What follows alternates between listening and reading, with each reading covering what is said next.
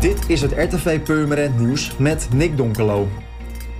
Burgemeester Don Bijl heeft gisteren een woning aan de Westervenne voor zes maanden gesloten. In het appartement werd in een slaapkamer een hennepkwekerij aangetroffen met meer dan 120 planten. De fonds kwam aan het licht dankzij een anonieme melding van iemand die rond de woning een sterke henneplucht had geroken. Op basis van die tip is verder onderzoek gestart. Daaruit bleek dat de flat zo'n 30 keer meer stroom verbruikte dan normaal. In de woning was een van de drie slaapkamers ingericht als hennepkwekerij. Hier werden behalve de planten ook vuilniszakken met kweekafval gevonden. De kruising van de Middenweg en de Rijpenweg in de Middenbeemster wordt dit jaar opnieuw geasfalteerd.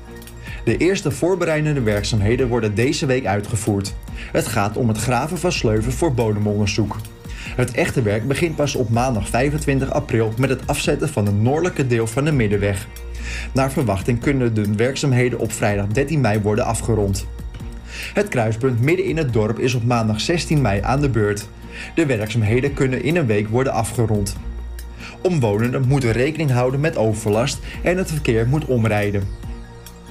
De jaarlijkse Valentijnstaart van de Purmerendse afdeling van het D66 is dit jaar gegaan naar de vrijwilligers van de oude begraafplaats.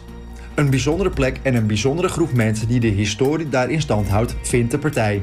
Ieder jaar brengen de Purmerendse politici op Valentijnsdag een taart langs bij een vrijwilligerscollectief in de gemeente. De afgelopen jaren ging de taart naar onder andere het Repair Café, de Heemtuin, Vluchtelingenwerk en het ouderenvervoer. Zo'n 10 vrijwilligers waren aanwezig om de taart in ontvangst te nemen en meteen soldaat te maken. Voor meer nieuws, kijk of luister natuurlijk naar RTV Purmerend, volg je onze socials of ga naar onze website, dat is www.rtvpurmerend.nl.